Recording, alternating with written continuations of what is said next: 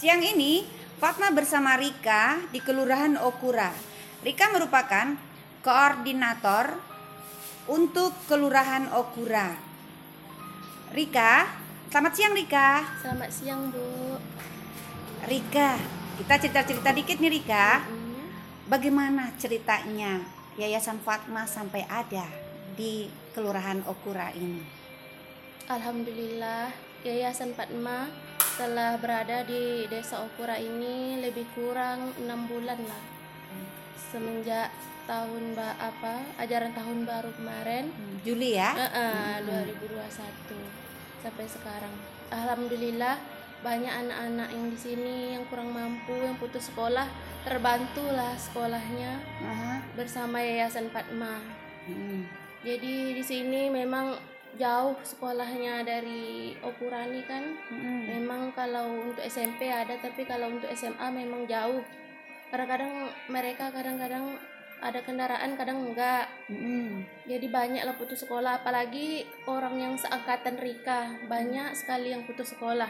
Termasuklah Rika sendiri. Rika cuman tamatan SMP. Jadi be- berkat kebaikan hati Yayasan Fatma, Rika juga disekolahkan di Yayasan Fatma. Hmm. Alhamdulillah dengan umur Rika sekarang Rika juga nggak menyangka Hmm. bisa sekolah lagi. Terus dikasih juga kepercayaan oleh Ibu Fatmanya langsung datang ke sini mengajak Rika untuk bersama-sama mencari anak duafa yang apa untuk yang putus sekolah untuk dapat bersekolah lagi. Mereka juga senang, orang tuanya juga senang. Jadi Ibu Fatma sendiri bersama timnya memang datang langsung ke sini dari rumah ke rumah mengajak mereka untuk bersekolah. Saya selaku warga di sini tersentuh gitu. Ada orang sebaik Ibu Fatma ini juga di sini juga dilatih apa sanggar nari ya Bu ya. Hmm. Jadi anak-anak di sini juga bisa lah mengapakan apanya tiba bakatnya, Bakatnya, ya, menyalurkan iya, iya, iya. bakatnya ya Bu ya. Itulah saya sangat berterima kasih sekali kepada Ibu.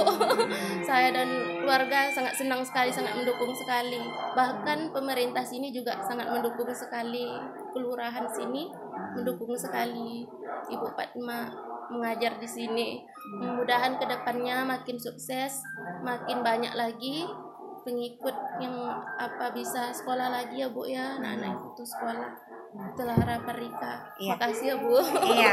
Uh, begitulah pertemuan antara uh, Rika dengan Pak Mas yang hari ini. Semoga yang di luar sana iya. yang mendengar kita menghimbau semoga mereka juga mau ada di Yayasan Pak Mas sukses. Terima kasih Rika. Ya terima makasih banyak bu.